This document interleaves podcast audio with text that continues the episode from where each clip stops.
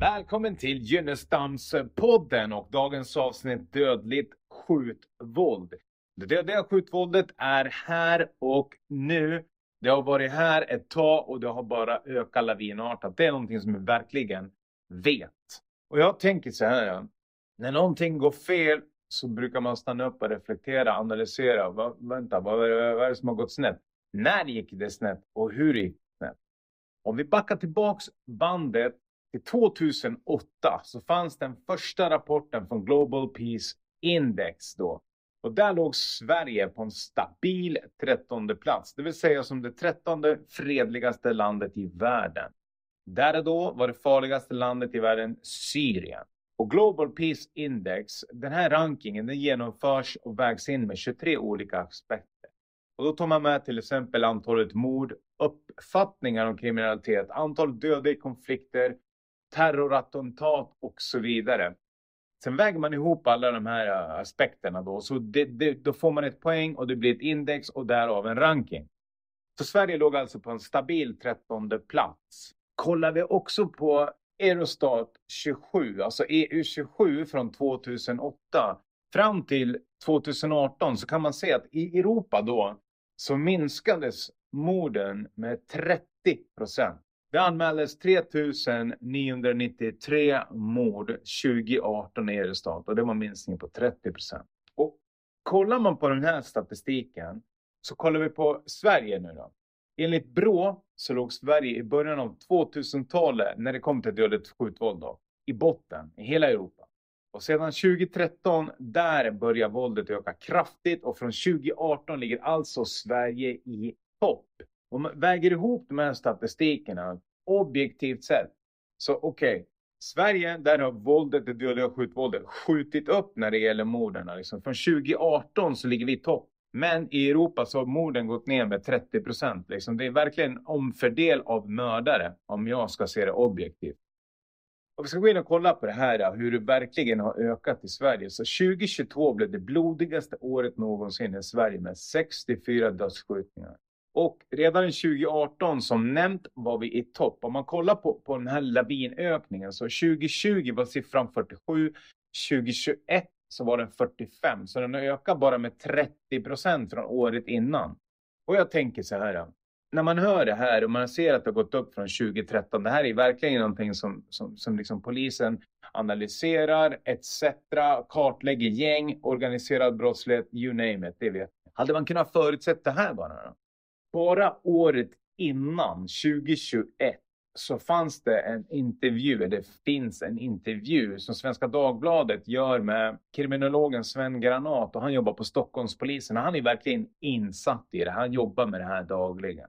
Och då ställer Svenska Dagbladets utsända ganska ledande fråga, varpå han säger när jag tittar i statistiken, spåkulan för nästa år ser jag 45 döda, 120 skadade och totalt 320 skjutningar. Och det här snackar vi 2021 då. Varpå Sven Granat svarar, jag ser nog ungefär samma sak. Sedan kan det bli ganska stora upp och nedgångar på regional nivå. Det kan vara så att vi inte riktigt ser samma omfattning i Stockholm, men att en ökning i en annan region tyvärr kompenserar för det. Och det här säger man året innan det blir rekordår. Och liksom man, man, kan inte ens förutse det året innan. Då, och då är det ju liksom människor som jobbar med Stockholmspolisen, så de har ju verkligen koll. Men det blev ändå en ökning på 30 procent av morden och cirka 25 procent av det totala skjutandet. Sjukt oroväckande statistik är det här. Och om vi kollar på, på vad heter det, storstäderna för 2022 så i Göteborg 22 skjutningar, 4 avlidna. Malmö det var det 5 avlidna, 27 skjutningar. Stockholm 11 stycken. Så det stämmer att det hade gått ner om man kollar på totala skjutningar i, i storstäderna. Men precis som man säger här att, att, att de andra regionerna kompenserar. Det här har liksom dödligt skjutvåld har spridit sig ut i landet. Liksom. För, förut var det mer liksom att det, man tänkte Stockholm, Göteborg, Malmö. Liksom enskilda skjutningar här och där. Men absolut inte så ser det ut idag. Och det som var signifikant för förra årets 379 skjutningar, det var att nästan 10 procent av dem skedde i Eskilstuna med 100 000 invånare. Det var inte så många som dog, tack och lov bara var en person som miste livet. Men att de hade 32 skjutningar, det, det är ganska makabert. Ska man kolla på en annan liten ort så är det ändå Södertälje. Där hade du sju avlidna.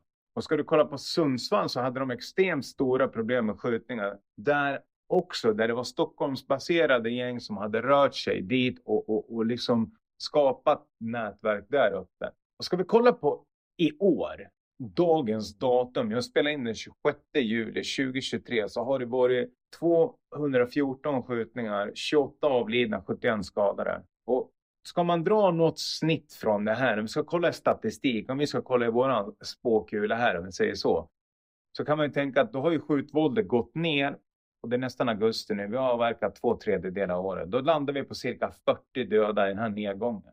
Och då tänker jag, det, det är väldigt positivt.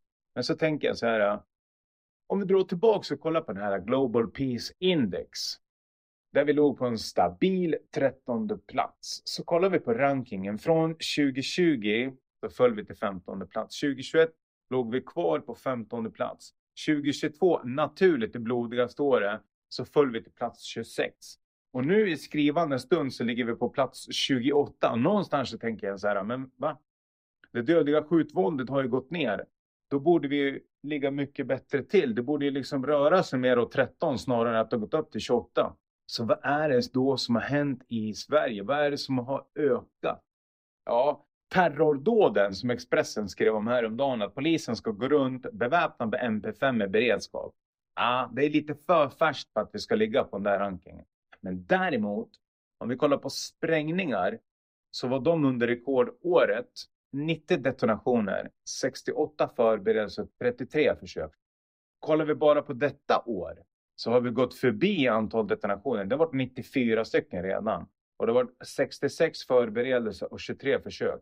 Och det här är från 17 juli, den här statistiken är. Med andra ord så liksom om man kollar på alltså, organiserad brottslighet, kriminalitet, liksom metaperspektiv, att man lyfter upp det och ser på allting, så är det en förändring av kriminaliteten. Det är ingen nedgång i kriminaliteten. I det dödliga skjutvården är det en nedgång, absolut, men, men, men liksom det har blivit ett perspektivförskjutning mot sprängningar istället. Och om man ser på det här så kan man dra paralleller som jag kommer in på längre fram med Tyskland. Kan man göra. Så, så att det är fortfarande någonting som är ganska skrämmande. Och ska man väga in det här med terrordådet som också är med Global Peace Index. Ja, det är ingen positiv siffra som kommer komma här. Men om vi jämför, om vi flyttar fram, för det här blir ganska negativt och så, men det är också väldigt, väldigt tydligt, tänker jag. Och det tänker väl alla andra i Sverige också just nu. Men kollar vi på Colombia, El Salvador och Jemen, då ligger vi fortfarande långt efter, det kan jag säga. Liksom. El Salvador har ju varit ett land som verkligen varit på tapeten och där har du ju två extremt stora gäng. MS-13 och Barrio 18. Och det var de, de här, MS-13 och Barrio 18, det var de som flydde inbördeskriget i, i El Salvador på 80-talet. Och det som hände sen, det är att de deporterades 1992 när det slöts fredavtalet där. Och, och, och då föddes de här återskapades gängen i El Salvador. Och jag kan säga så här att 2015, och lyssna på det här, var det samma mordsiffror i El Salvador som det var i Irak när det var krig där. Alltså det är otroligt mycket mer än i Sverige kan jag säga. Och det som händer i El Salvador där, för där, där kan man säga att där har du grova problem. Och, liksom, och varför jag tar upp El Salvador, det är för att vad har vi i Sverige också? Grova problem om man jämför och kollar på våran utveckling.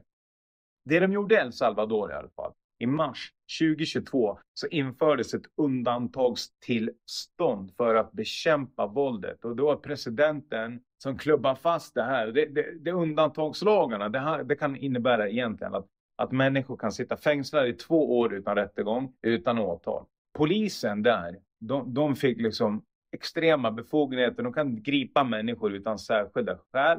Straffen förlängs du får till exempel, lyssna på det här nu, 20 års fängelse för gängtillhörigheten. Straffen, på tal om straffrabatt i Sverige, då applicerar man straffen på 12-åringarna där. Och som regeringen har lagt fram nu, eller jag ska väl mer säga Sverigedemokraterna, att ska heta straffverket, så kan man säga att förhållandena i fängelse i El Salvador, de gjorde man medvetet extremt hårda också. Det är bönor och majsbröd i 40 år. Och det här var för att avskräcka människorna och det här vill, de vill ha effekt. Liksom. Effekten de har fått fram till dagens datum är att mordsiffrorna har halverats. Och vanliga, vanliga människor, det här uppger Christian Guevara, som jobbar med, med gängbrottsligheten där, så uttryckte han att, att vanliga människor vågar åka bussar, det vågar de inte förut. Och att de kan röra sig ute på gatan, så var det inte heller förut, utan det hade blivit liksom att gängerna styrde där. Det var, det var verkligen, de ägde verkligen gatorna där. Han svarar ju på Sveriges utrikeskorrespondent där liksom, vänta, har ni problem med Sverige, skicka dem till El Salvador så får ni tillbaka dem efter 40 år som helt nya människor. Men då tänker jag så här, absolut, men, men med tanke på att de startade det här projektet 2022 så vet de inte hur det ser ut om 40 år. Så det, det är ett minst sagt ett dramatiskt uttryck det där. Teoretiskt så låter det väl väldigt bra. Och vad är mer konsekvensen av det här med El Salvador? Borde man göra så här i Sverige? Är det därför jag tar upp det här? Nej, absolut inte. Det satt 3000 oskyldigt fängslade i El Salvador. Och El Salvador har redan de största belastade fängelserna i världen. Så det, så det blev alldeles för många som blev oskyldiga, som blev drabbade där. Och Sverige har ju börjat applicera liksom andra lagar ändå på gängtillhörigheten så har de börjat med inskränkningar i fängelse. Liksom att de får inte permissioner, de får inte telefonkontakt, ofta inte. De har svårt att få bli nedklassad etc.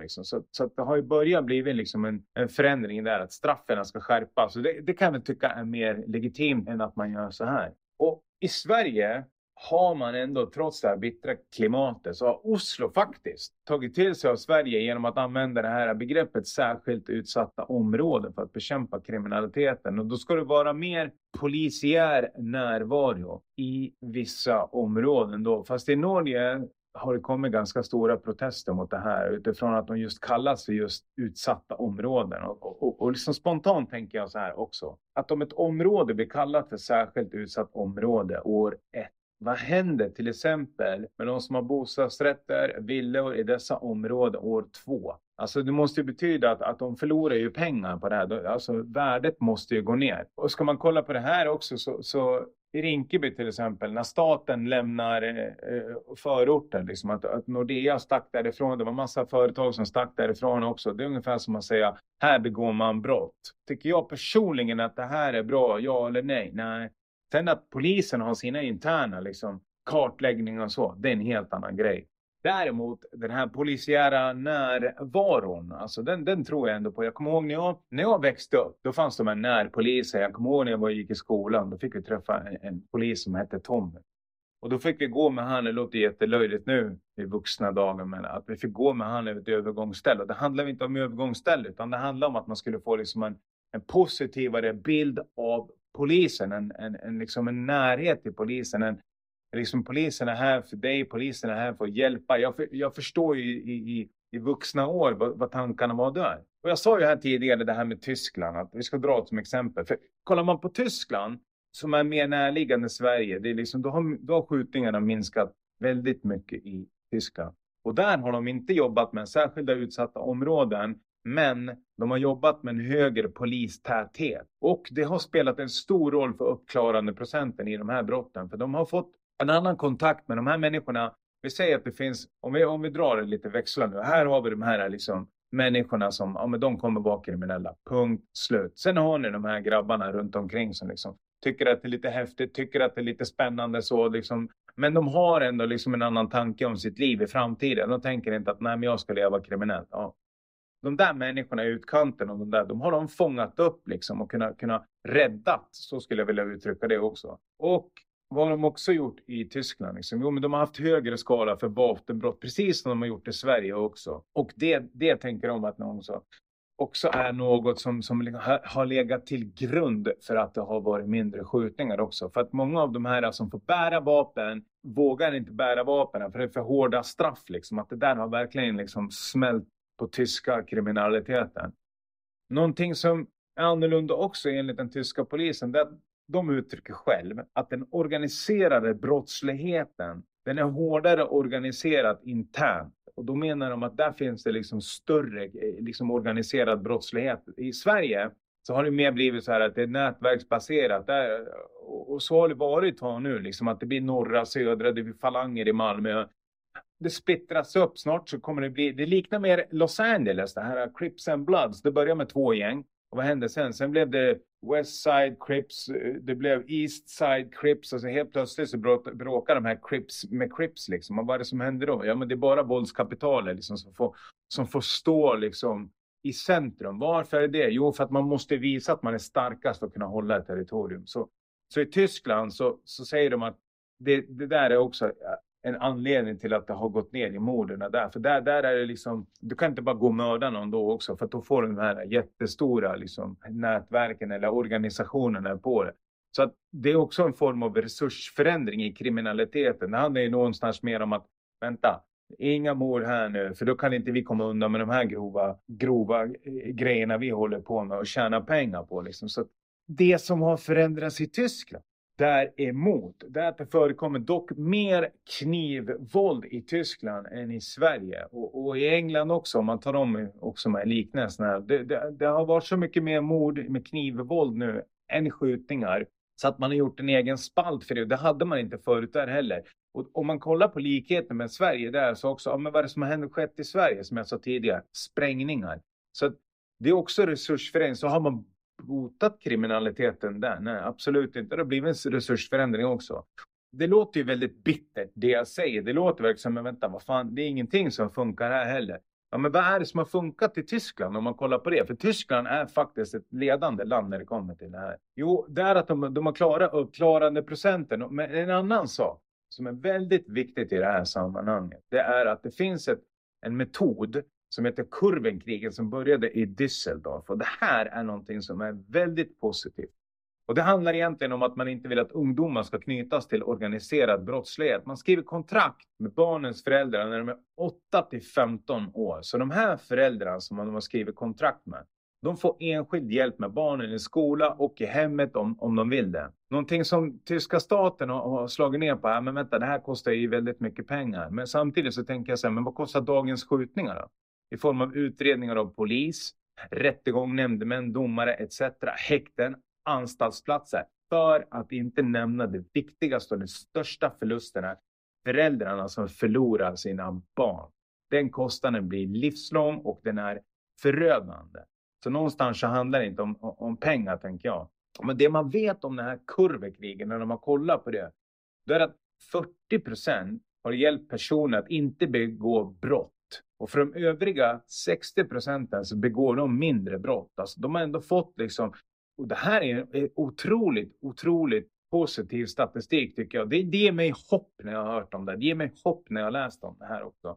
Och, och det här är någonting som Sverige har börjat införa i vissa pilotprojekt faktiskt. Och det, det ska bli intressant att höra hur det går. För jag tycker i alla fall att det är en sjukt bra idé. Jag menar, lek med tanken att vi skulle ha 40 procent mindre mord i Sverige till exempel. För förra året hade vi 64 mord. Tänk om det minskar till typ 40 som vi ser nu. Siffran är fortfarande skrämmande och jag pratar om sprängningar. Men året efter, om vi leker med det här, då skulle det vara 24 mord och så vidare. Och jag menar, om det funkar i Tyskland, och Tyskland ligger närmare Sverige än El Salvador, det där är ganska extrema. Men varför skulle det inte ske här hemma då, tänker jag. Okej, okay, vet ni vad? Vi ska gå till en kortare paus här nu och sen så ska vi fortsätta med uppfattningar om kriminalitet. Det första vi ska göra, det är ett samtal då. Men innan vi ringer och pratar om uppfattningar om kriminalitet så ska vi ringa upp ett väldigt färskt samtal som handlar om sprängningen i Norrköping. Där vi ska prata med en av dem som är utsatt. Hela hans familj är utsatt. Där det bor en eh, mamma, en pappa och tre små barn. Så det samtalet kommer vi börja med. Stay tuned.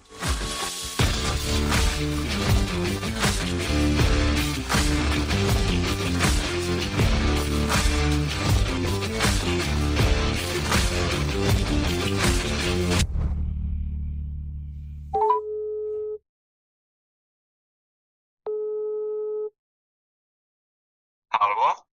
Ja, hej Mikael Lindgren. Det är Fredrik Junnestam här från Junnestamspodden. Hej!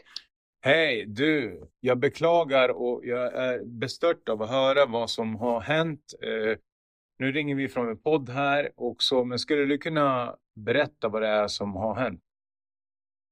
Eh, ja, eh, det, det som har hänt är att det har skett en sprängning i fastigheten där vi bor i. Bredvidliggande trapphus. Det var en ordentlig smäll. Mm. Vart är ni bor någonstans? Mitt i centrala Norrköping, 200 meter från polishuset. Mm. Och vad, var det, vad var det som hände sa du? Var det någon som hade detonerat? Kan du berätta lite? Eh, det, ja, jag kan berätta från början. Uh, jag, jag och min fru vi vaknade halv fyra på morgonen av en rejäl smäll. Och, och det första jag tänker när jag hör smällen och så hör jag även att det släpper tegel från väggarna och sådär och glas som krossas. Och det första jag tänker är att nu rasar det in. Så jag gick upp ur sängen väldigt fort. Tänkte att den smällen var väldigt nära. Eh, så jag gick ut i vardagsrummet och kollade och ser att ett av våra fönster har eh, krossats totalt. Det finns inte kvar. Och vi bor på tredje våningen. Mm. Och då tänkte jag, men jag går ner och kollar. För jag, jag känner så här, är det våran eh, trappuppgång de har sprängt i? Så jag klär på mig, jag går ner. Och dörr, dörren är trasig. Hela ramen har tryckts in. Uh, men jag fattar ganska snabbt att det är inte våran dörr som har sprängts. Så jag går ut och tittar. Och grannporten, den är helt borta. Tre bilar sprängda. Uh, soprummet totalförstört. Varenda ruta på byggnaden som ligger över gatan åt det här hållet har fått sina rutor pajade. Så det, det, ja, det är en Ja. extrem smäll. Det måste vara fruktansvärt. Och hur många bor ni i, hemma hos er i lägenheten? Eh, I vår lägenhet är, är vi fem personer. Eh, tre vuxna och två barn. Okej, Hur gamla är barnen? Eh, den äldsta pojken är fyra år. Eh, den näst äldsta är ett och ett halvt år. Och den yngsta är två månader. Vad hände med barnen när, när det small? Ja, men den äldsta pojken han vaknar och han blir rädd. Han trodde det var åska. Eh, så han, han ville inte sova själv sen. Och det, så han fick sova inne hos oss och det var ganska lugnt. Mm. Och de andra barnen de, de sov vidare. Vilket är väldigt skönt i en sån här situation. Ja, jo, men det, det, det kan jag tänka mig. Hur är det nu? Är det, är det fullt av poliser där? För klockan, klockan när vi pratar nu är ju halv ett. Eh, ja, det har varit polis här sedan kvart i fyra i morse. Eh, det har varit avspärrat hela kvarteret. Ingen har fått komma in, ingen har fått komma ut. Så familjer har blivit stående utanför sina hem också. Mm. Eh, nationella bombskyddet har varit här. Har det varit Ja. hemma hos er? Ja, polis eller någon form av resurspersonal som har kommit hem till er och, och hjälpt till? Ja, det, det kom in en polis kanske en och en halv timme efter, efter explosionen. Ja, De ville bara veta om vi hade sett någon. okej. Om vi hade sett något. eh, Och när hon, hon, den polisen försvann ganska fort. eh, Mm. När, när vi inte har sett. Okej. Men vad, vad händer alltså med er som familj i det här? Det här måste ju vara frukt, alltså det är en fruktansvärd explosion. Alltså jag menar någonstans så, måste ju vara livrädd. Alltså hur, hur går dina tankar just nu som familj? Hur känner ni bara att nej, vi måste flytta? Eller lite hur tänker ni? Alltså, jag, jag känner inte att... Jag personligen känner inte att det är värt att få panik. Nej. För jag hade varit mot, i våran trappuppgång kanske lite mer, men nu vet jag att det inte var mot våran trappuppgång. Mm. Så då känner jag mig inte personligen orolig så. Nej. Men det är klart, det är fruktansvärt otryggt för att det här ska ju vara... Det här, det här är en bra hyresvärd vi har. Mm. Det är bara barnfamiljer som bor här, mer eller mindre. Mm. Barnfamiljer och äldre. Mm. Så det, vi har det väldigt lugnt inne på gården. Nu tack och lov så blev inte din familj skadad, men vad, vad har de sagt om läget annars? Liksom? Är det någon som är skadad? Eller? Det som jag har läst är att en kvinna och ett barn har fått glassplitter på sig, men inget så. Jag har inte sett någon föras bort i ambulans. Mm. Eh, Jag har inte hört någonting från de andra boende här. Okej, okej. Ja, fruktansvärd händelse mycket och du ska få återgå till din familj just nu. Tusen tack för att du ville delge vad som har hänt här i Junestamspodden så önskar vi dig och din familj all lycka till och vi hörs snart igen. Tack så mycket. Okej, okay. ha det så fint. Ha det fint. Hej. Det här handlar alltså om en sprängning i Norrköping den 27 juli. Och DN och även Mikael Lindgren upptrycker här att det handlar om ett flerfamiljshus på en central adress i närheten av korsningen Slottsgatan, Luntgatan i Norrköping. Och fastigheten har ju som, som vi fick höra här omfattande skador, men det är ingen som är skadad allvarligt, säger polisens presstalesperson här. Och då kan jag tänka så här, nej det är ingen som är skadad fysiskt allvarligt, men här, någonstans så handlar det om att liksom, vad händer med, med de som bor där? Du får rutan insprängd, tegler och sånt. Tur att det inte var vi, men det kunde lika väl ha varit vi. Nu pratar vi med en människa och det här har hänt bara för några timmar sedan som är extremt chockad. Det här, det här kommer ju givetvis att lägga sig. För just nu så kan, vi, kan jag tänka att det är precis som har varit med om, eller varit nära och mista livet så tänker man usch jag lever. Men vad händer sen när man börjar lugna ner sig? När adrenalinet släpper från kroppen? Ja, då börjar man tänka. Och vad händer när man börjar tänka om det har sprängts in en ruta där man har barn som ligger? Man hör tegler som rosslar. Ja, men självklart så här är det här en fruktansvärd allvarlig händelse för alla runt där omkring. Och precis som jag sa, det, det är vanliga människor som råkar illa ut. Det är fruktansvärt det här också. Och som det nämns så är det ett flerfamiljshus. Människor som, som utför det här sprängdådet, de, de är medvetna om det här. De är medvetna om att det bor barn där och speciellt om man har placerat ut en bomb där. Någonstans så måste man ju ha rekat område. Med reka menar jag att man har rekonstruerat, man har kollat runt omkring, man har tänkt när man ska göra det, när man inte ska göra det, vilken tid som passar. Precis som alla kriminella gör inför ett dåd. Och med det här sagt så kommer vi ta en, en liten kortare paus och låta det här smälta in. Och direkt efter den pausen så ska vi ringa upp en annan människa och prata om uppfattningen som nämns. Så stay tuned!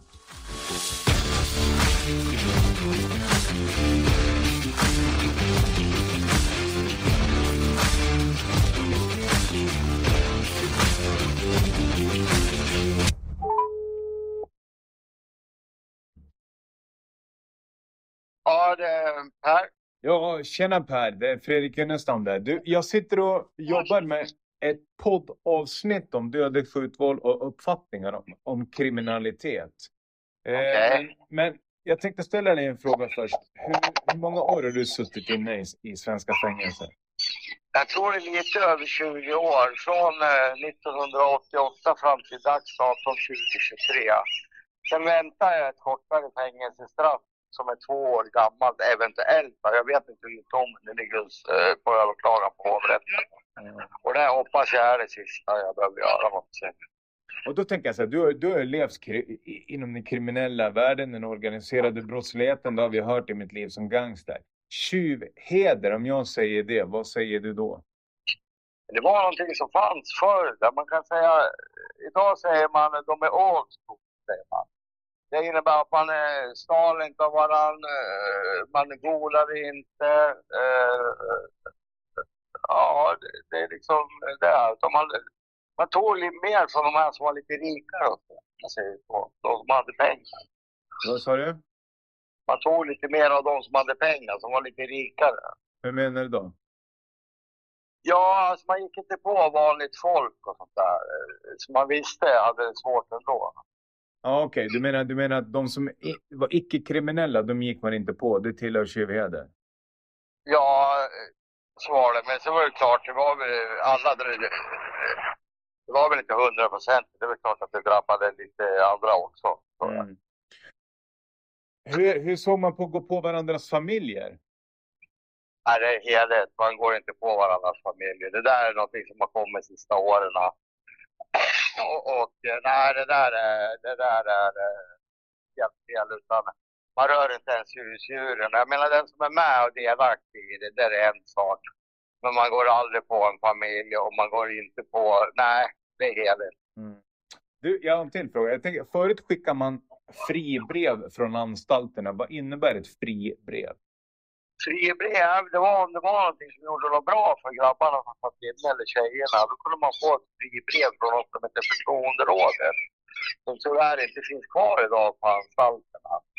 Eh, men, eh, och då satte de upp den om de hade en liten kiosk till exempel eh, på Brynäs.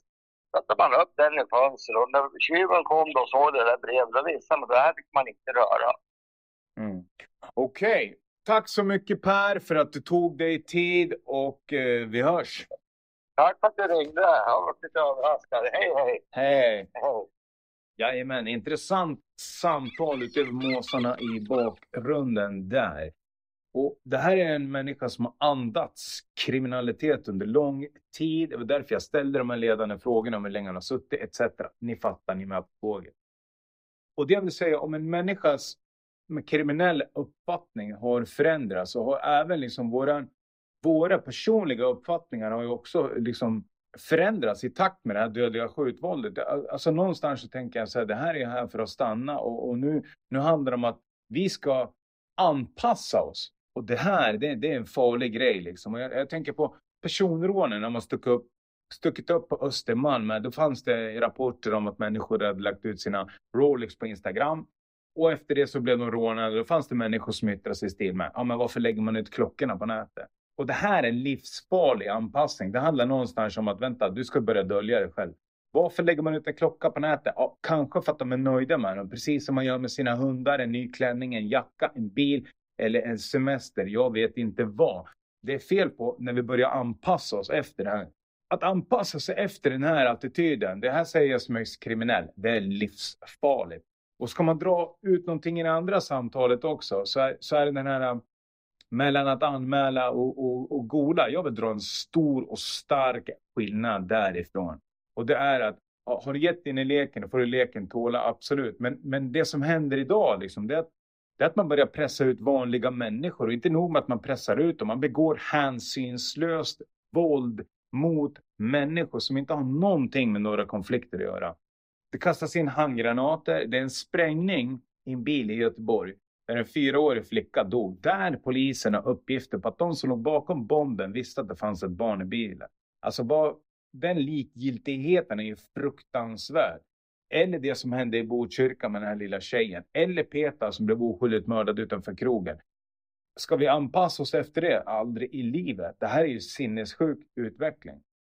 Och det är en sinnessjuk förändring. Vad, vad, vad lär man göra där? Mer som El Salvador kanske. Slänga in dem där i 40 år som jag sa. Absolut, det står jag för.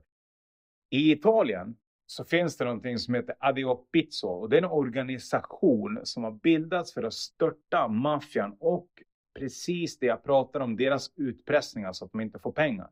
Med andra ord, de vägrar betala beskyddad verksamhet. Och spontant, mångas uppfattning, man hör så här, men va? Det kan de inte göra, då blir de ju mördad. Nej, ja, men annars blir de ruinerad. Vad har man att välja på där liksom? Det är pest eller kolera. Och det de gjorde där, det var att de demokratiskt organiserade sig själv mot de här människorna och bestämde att okej, okay, händer det någonting här nu, då kommer alla hit, alltså som en löpeld.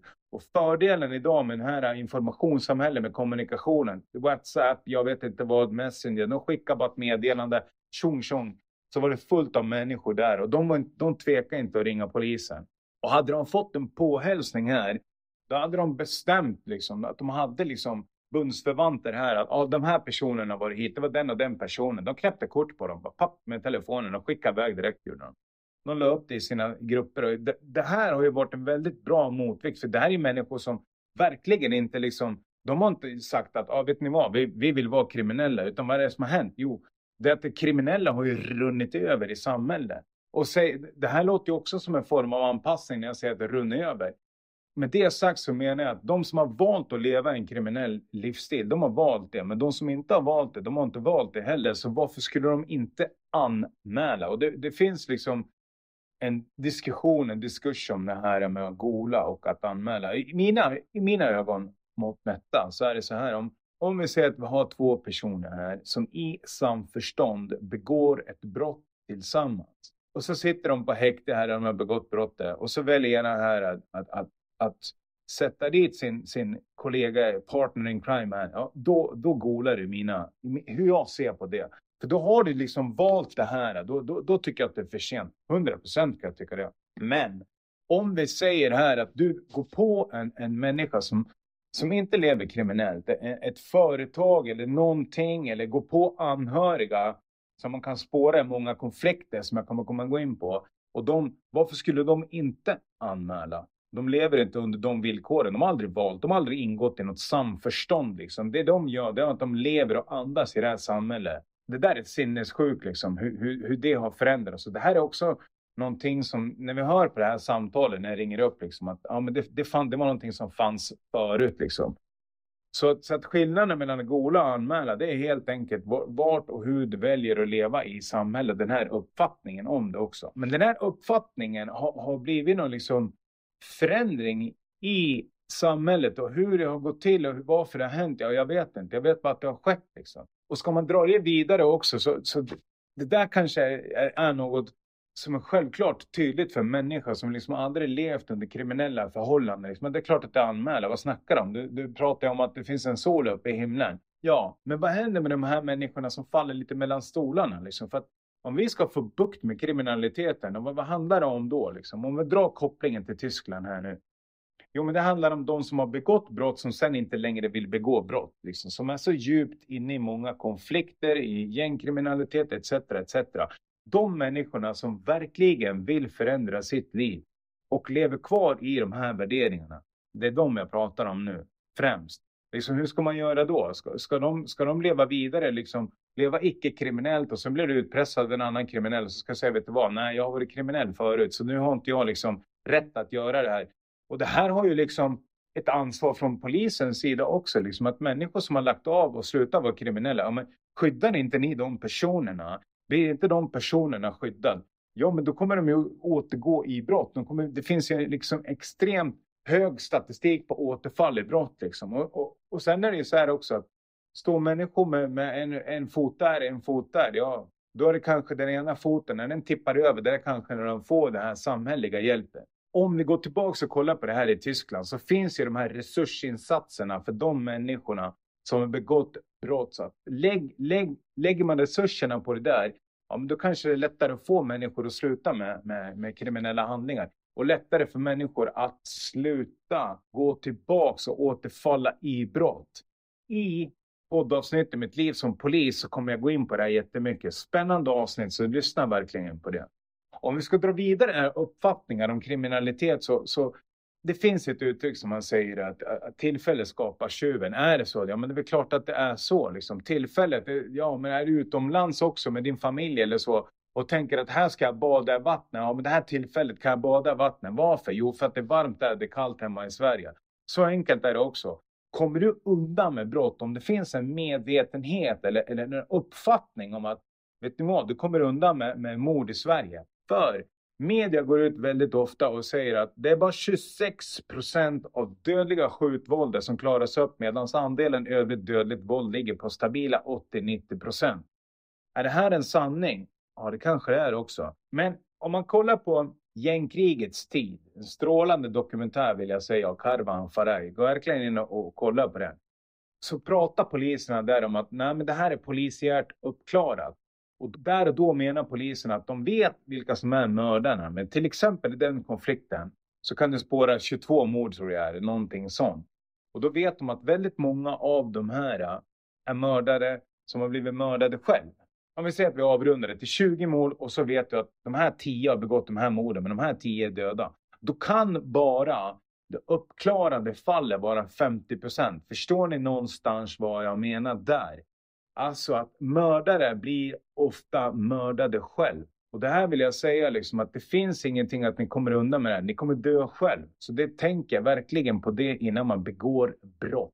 Om jag ska gå in och förklara vad begreppet polisiärt uppklarat betyder, för det låter ju kanske lite luddigt sådär, så är polisiärt uppklarat betyder att antingen en person har bundits till brottet eller att brottet klaras upp på ett annat sätt. I den första betydelsen har åtal väckts, alltså att du har haft en förundersökning, du har gått till tingsrätt etc. och fått en dom. Då. Strafföreläggande utfärdas. Det kan vara till exempel trafikbrott, alltså att du får en bot. Det kan vara eh, ringa brottslighet också. Eller åtalsunderlåtelse meddelats. åtalsunderlåtelse, det, det innebär kort och gott liksom att du, om vi säger att här har du en människa, A.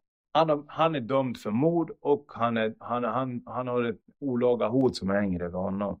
Då kommer man meddela åtalsunderlåtelse. Varför? Jo, för att det här olaga hotet, straffvärde på det överträffar inte straffvärde på mord. Så det är det som är polisiärt uppklarat.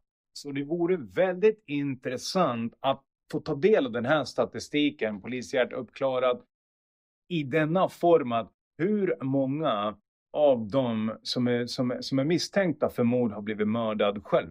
Hade media gått ut med en sån statistik, för det är väldigt många, ja men då kanske människor hade börjat tänka till på ett annat sätt också. Varför? För att i det ögonblicket du skjuter någon människa, alltså du blir en måltavla själv, det är ingen snack om den saken. Så funkar det i den kriminella världen.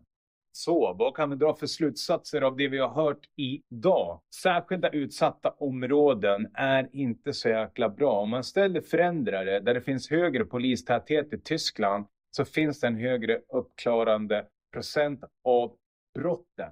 Väldigt positivt. Om man kollar på Adiopizzo som jag precis pratat om, om det här demokratiska upproret i Italien. Suveränt bra, det är också någonting som funkar. Om man kollar i El Salvador där morden har gått ner med hälften. Vad var bra där då? Att de griper alla? Nej, men inte det jag snackar om där. Utan det här att de som de facto tillhör ett gäng som står för den här organiserade brottsligheten. sprängningar, skjutningar, mord, utpressningar. Ja, men de får 20 år rakt av. Jättebra. Straffen, att, den här straffrabatten tas bort, tycker jag också är bra. Så om vi tar lite av varje och liksom kollar var framgången ligger, ja, men då kommer vi uppnå framgång också. Ska man dra kopplingar till att det behövs mer resurser? Ja, men det visste vi 2013 också när våldet började gå upp i Sverige. Ska vi stagnera och sluta med resurserna idag? Och då snackar vi om poliser och även socialarbetare i skolan också, precis som i kurvekrigen. Att, att man börjar tidigt med de som, okej, okay, här börjar det strula lite. De lägger vi resurserna på nu i tidig ålder. När är man mest formbar? När man har etablerat en kriminell livsstil liksom som 25-30-åring. Men det tåget har gått många gånger. Tyvärr så är det så. För alla, nej. Men för många, ja. Så börja liksom i tid och lägg, lägg ner mer pengar, resurser i skolan och på socialarbetare. Det, du, du har ju uppvisat bättre resultat där, så, så det vore ju fantastiskt. Och sen är, handlar det också någonstans om de här resurserna att bli polis till exempel. Hur, hur löste man det här? Om vi ska kolla, dra paralleller till, till Miami. Är det bra att, att liksom examinera poliser här efter sex månader, ett år någonstans när Pablo Escobar på 80-talet började liksom spränga in kokain i hela landet via Miami. För där var det mest pensionärer som bodde då. Var det en bra lösning på problemet? Nej, det var det inte. Varför? Korruptionen blev ju större. Det, det, det, fanns liksom en annan acceptans för de som blir poliser. Så jag tror att en långsiktighet i resurserna så kommer vi kunna komma till bukt med det här. En nolltolerans för en vanlig människa mot kriminalitet. Alltså 100 procent så tycker jag det. Och de människorna någonstans som har bestämt sig för att vet du vad, jag har varit kriminell. Precis som jag har varit. Men jag ska leva laglydigt. Lev det livet fullt ut så kommer det bli bra. Och där någonstans så, så, behöver inte samhället vara svart eller vitt som det är. För att det finns också den här sociala kulturen som finns. Ja, den där jäveln, vet du vad han har gjort? Han har gjort det, han har gjort det. Jo, men vem bryr sig? Så länge det inte är brott mot barn och att man har tagit sitt straff, det är min personliga uppfattning i alla fall. Ska man gå in på en annan lösning som USA hade 1992 när de deporterade El Salvadorianerna tillbaks till El Salvador objektivt sett så är det väl ingen som har någon konstig uppfattning om det. Men ska man sätta det här liksom i, svenska, i svenska ögon så är det liksom att där och då USA, de tänkte så här, vet ni vad? Problemen börjar i El Salvador. De här är inte amerikanska medborgare, så vet ni vad? Ni får lösa era egna problem. Kom inte hit med problemen. Okej, okay, de här har bidragit till samhället, så de får vara kvar här. Sätter man det där i Sverige, så, så Sverige är mer eller mindre uppbyggt av arbetskraftsinvandring på så många olika perspektiv, håll och kanter. Och det här tycker jag är fantastiskt. Ska man kolla då vad, vad händer med den här generella rasismen? Hur skapades den i Sverige? Skapades den av, av, av liksom, blev den bara tagen i luften eller blev den tagen av att, nej vet ni vad? Alla som kommer hit, de får stanna. Alla som kommer hit, ja, men de får bidrag. Allt det här, den här diskursen, de här debatterna som förs i Sverige. Är den hemsk? Ja, jag tycker den är hemsk. För vad händer med de här människorna som har bidragit till det här samhället när det kommer hit människor och beter sig illa? Ja, men de blir också utsatt för den här rasismen. Är det rätt? Nej, det är inte rätt mot de människorna som kommer hit. Det är totalt fel. Och en annan, en annan konstig lagstiftning som finns i Sverige, eller riktlinje, jag vet inte vad det är, det är att okej, okay, den här personen här, vi kan inte utvisa honom. För han riskerar att bli utsatt för tortyr och, och, och våld i sitt egna land. Ja, nej, men det är helt okej okay att han kommer hit och mördar i Sverige för att han riskerar att bli utsatt för våld i sitt hemland. Ja, men är inte det skevt så vet inte jag vad skevt är. Och är jag rasist när jag säger det här? Nej, men det är väl klart att det inte är det här. Och kollar man på Global Peace Index så är någonting som vägs in din uppfattning om kriminalitet. Och det är det jag har här. Jag har en uppfattning om kriminalitet. För att jag menar, Los Suecos till exempel i Marbella som härjar nere i Spanien och de beter sig illa där de är svenska medborgare. Det finns väl ingen som kallar alla i Spanien för rasister om de ska utvisa dem och skicka tillbaka dem till Sverige. De ska porta dem från Spanien. Inget konstigt alls. Jag menar, går man på krogen och beter sig illa och blir portad därifrån. Det spelar väl ingen roll. Alla tycker väl att det är okej. Okay. Varför? Jo, men för att det är rätt. För du, varför? För du gör fel. Jag menar, går någonstans någon hem till mitt hem eller till ert hem här och beter sig illa. Stopp, du är inte välkommen hit längre. Är det rätt? Ja, men självklart så är väl det rätt. Eller ska man se på den här situationen med fredsavtalet, hur USA löste det här problemet eller inte löste problemet egentligen. För vad gjorde de? De flyttade på problemet. Har de löst våldet? Absolut inte. Löser man ett våld genom att flytta våldet? Nej, det är klart man inte gör det. Men om vi kollar på Sverige så är det exakt där det har gått fel. Jag säger så här, vi backar bandet och kollar vad har vi gjort de senaste åren? Vad vi än har gjort så har det ju inte blivit bättre, obviously. Från början av 2000-talet, som nämnt, låg vi i botten. Vi har legat på plats 13 som det fredligaste landet allt det vi har gjort har ju visat sig vara fel. För om det hade varit rätt det vi hade gjort, då hade vi inte haft det högsta antalet dödligt skjutvåld i hela Europa. Och inte nog med det, vi slår rekord på rekord. Vi har lyssnat på sprängningar nu. Jag menar någonstans är det bara backa tillbaks. Gör om, gör rätt. KBT har ju fått extremt stor genomslagskraft på individnivå. Alltså varför inte tillämpa det här kollektivt. Gör om, gör rätt. För det här, det funkar inte längre för Sverige. Och det funkar inte längre för de som bor här. Okej, okay. hoppas ni har uppskattat det här poddavsnittet lika mycket som vi på Junestams uppskattar att ni delar, gillar och prenumererar och kom ihåg att pang tjong, tryck på knappen, prenumerera för att inte missa uppdateringar. Tusen tack för alla som är och lyssna och stay tuned, snart tillbaka med mer.